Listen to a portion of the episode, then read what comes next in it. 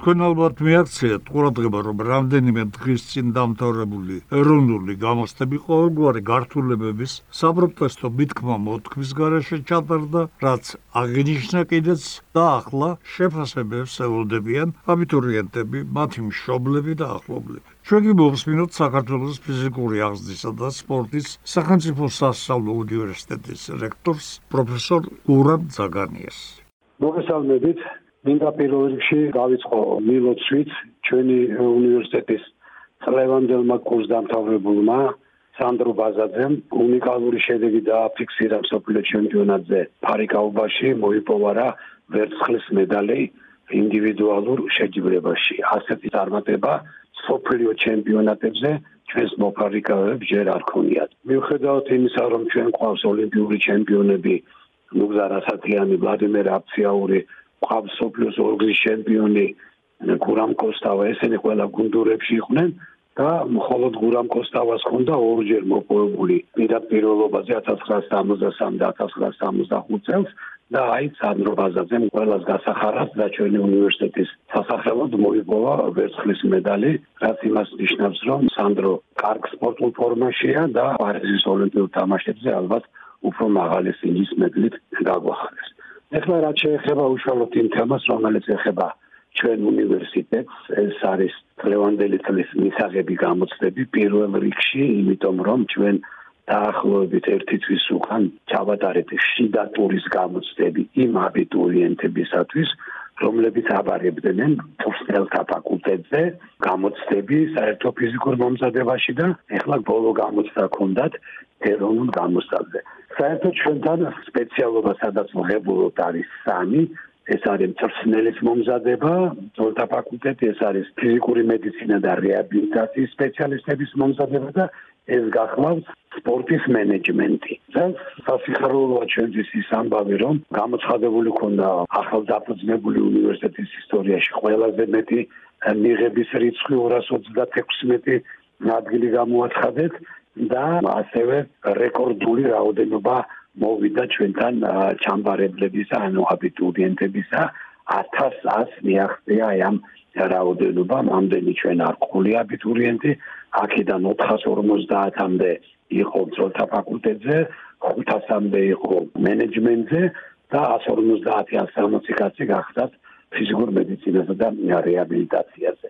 თქვენ კარგად მოგეხსენებათ, რომ ეროვნული გამოცდები მაგალითად იმ სტუდენტებისათვის რომლებიც ჩვენთან აბარებენ სპორტულ ნორმატივებს ეს არის მსხვერპლთა ფაკულტეტი იქ შეუძლიათ მხოლოდ მინიმალური კომპეტენციის ზღვარი გადალახონ ანუ არ ჩაიჭრან და ჩვენ გამოცდაზე ან უნივერსიტეტის გამოცდაზე მიღებული ქულების შედეგებით მოხდება მათი ჩარიცხვა პირველ კურსზე მართალია 236 კაცო ვებულობს არ არის პატარა რეკორდული მაჩვენებელია მაგრამ პრინციპში ძალიან არადამაკმაყოფილებელია იმ კუთხით რომ ჩვენთან ყოველწლიურად მატულობს აბიტურიენტების რაოდენობა და ადგილები შეზღუდული გვაქვს. ვინაიდან 6 წლის უკან ჩვენ რო გავიარეთ ავტორიზაცია მაშინ დაგვიდგინეს კვოტა 800 კაცი.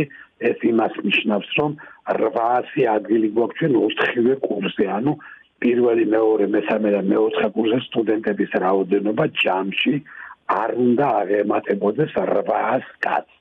და აქედან გამომდინარე არის ეს 236 კაცი და ისიც მინდა მოგახსენოთ, რომ ჩვენ რომ დაახლოებით 350 400 ადგილი რო ქონდა აბიტურიენტები მოვიდოდნენ კი არა სტუდენტები პირველ კურსზე და ჩაერიცხებოდნენ ვინაიდან როგორც დინამიკას ვადევნებთ თვალყურს ჩვენ ყოველწლიურად უკანასკნელი 2-3 წელიწადია 200-დან 250 270 კაცამდე დადებით ქულიანი აბიტურიენტები ჩებიან გარეთ იმიტომ ადგილი არ აგვაქვს და ვერ ხვდებიან ჩვენთან და აი ამ პრობლემის მოგვარება როგორც იქნა საბოლოოდ გადაწყდა ოღონდ ამას დაახლოებით 2 წელიწადი დასჭირდება.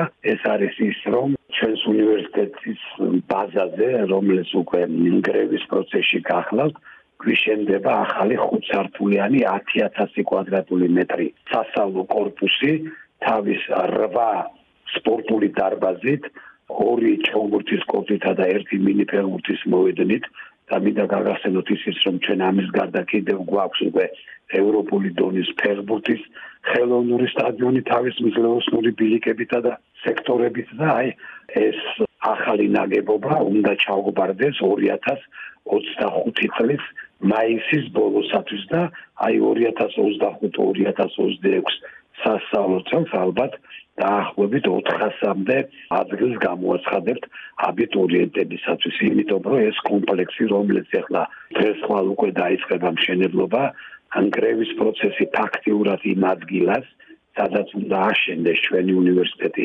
დამთავრებულია, ახლა პროექტი უკვე მთავრდება და ალბათ მაქსიმუმ ერთ თვეში უკვე დაიწყება მშენებლობა. წინ ორი წელიწადი გვაქვს დაახლოებით და ვფიქრობ რომ ყველაფერი გარემონტებული ჩაგვარდება და მაშინ უფრო მეც გავშლის იმიტომ კიდევ ერთხელ ვიმეორებ ეს ტერიტორია გათვლილი არის 1800 სტუდენტზე ანუ 4 წლის განმავლობაში ჩვენ მინდა ყავდეს 1800 სტუდენტი. ეს იმას ნიშნავს რომ ყოველწლიურად შეგვიძლია გამოაცხადოთ მიღება 450 სტუდენტისა ანუ ჩვენ უნივერსიტეტში ყოველწლიურად 2025 წლიდან ჩაირიცხება 450 კაცი აი ამ სამი მიმართულებით.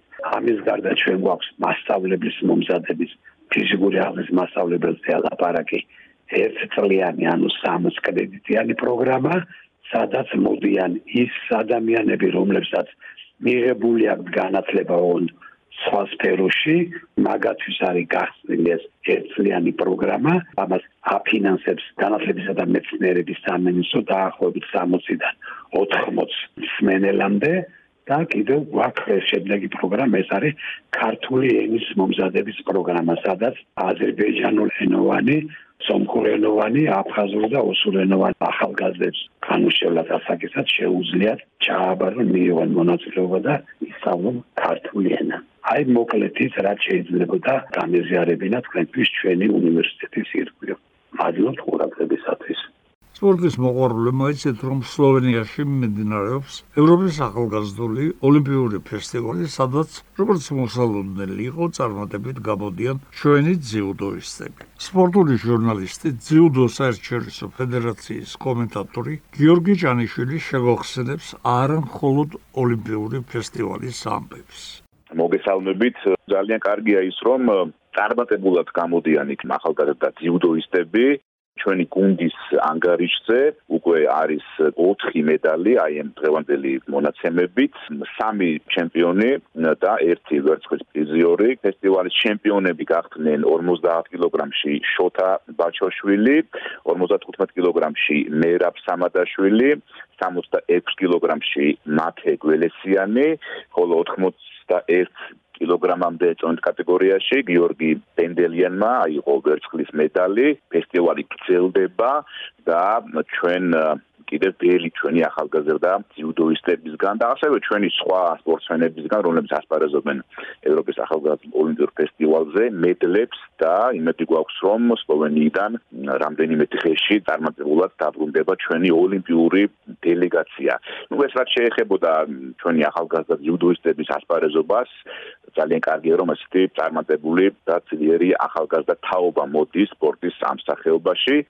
აგვისტოში განახდება სოფლიო ტურნე და პირველივე შეჯიბრი, სადაც გუნდი მიემგზავრება უძლიერეს შემადგენლობით, ეს არის სოფლიო მასტერსი, რომელიც გამართება 4-6 აგვისტოს ბუდაპეშტში. ნუ მასტერსი იცის გულშემატკივარმა, კიდევ ერთხელ აღვნიშნოთ, ეს არის სოფლიო ჩემპიონატის შემდგომ, ნუ ოლიმპიურ თამაშებზე თქო უნდა სხვა განზომილება არის, სოფლიო ჩემპიონატის შემდეგ ყველაზე პრესტიჟული ტურნირი სოფლიოს მასტერსი. სპორტსმენები იღებენ ძალზე მაღალ სარეიტინგო ქულებს და უკვე უნდა ვთქვათ ისიც რომ დაწყებულია უკვე პარიზის ოლიმპიური თამაშების სარეიტინგო ქულების გაცემა ტურნირებისთვის ასე რომ ძალზე მნიშვნელოვანია მასტერსზე მონაწილეობა მოდი ვთქვათ შემადგენლობაც ჩვენი გუნდის 60 კილოგრამამდე იასპარეზებენ გიორგი სარდალაშვილი, ლუხუ ჩხუმიანი და თემურ ნოზაძე, 66-ში ლაჟა მარგველაშვილი, 73-ი ლაშა შავდოთულაშვილი და გიორგი ტერაშვილი, 91-ში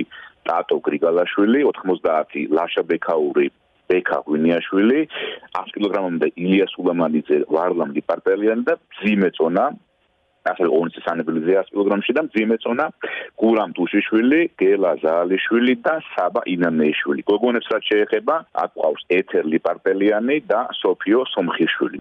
არ არის სოფიოს მოქმედი ჩემპიონი ლუკა მაისურაძე, თუმცა ჯანმრთელობასთან მცირე პრობლემები აქვს და ვარჯიშობს ინდივიდუალურად და შემდგომ პერიოდში შეუერთდება გუნდს. ასე რომ აი ესეთი ამბებია ახლა ძიუდოს სამყაროში.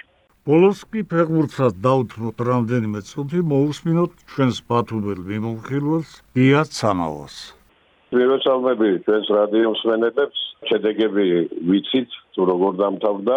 შეიძლება ითქვა ჩვენთვის სავალალოდ სამივე ქართულმა კლუბმა სამწუხაროდ მარცხი განიცადეს მე ვფიქრობ რომ ბიზნესები ყველა მომ საკუთარ კლუბში საკუთარ თავში წელებაც ფეხბურთელებაც უნდა მოძებნონ და გააკეთონ დასკვნები. ქუთაისის ტორპედოს ასეთ თამაშს სიმართლე გითხრათ მე არ ველოდი არც მისი მოწინააღმდეგე აქტობი იყო ის გუნდი 2-3 თავით ჩვენზე ბაღალარდგარიყო მაგრამ თამაში წარიმართა ისე რომ აი უყურადღებობა ალბათ კონცენტრაცია დავგარგე და გაუშვით ერთი გოლი მე მეორე და ორ გოლს რო გაუშვებ მე ძალიან ძნელია თამაშის მობრუნება და შედეგი მე ყველა მიცით ასევე ორი სიტყვა მინდა ვთქვა მაჯზე თბილისის დინამო ითამაშა მალტაში და სიმართლე გითხრათ მე საერთოდ არ მიყვარს ფეხბურთელები ძალიან დიდი კრიტიკა, მაგრამ აი ძალიან გაუბრაზდი სიმართლე გითხრა. და იმიტომ რომ ასეთ გუნდთან თბილისის დინამო კი არ არავინ არ უნდა აგებდეს.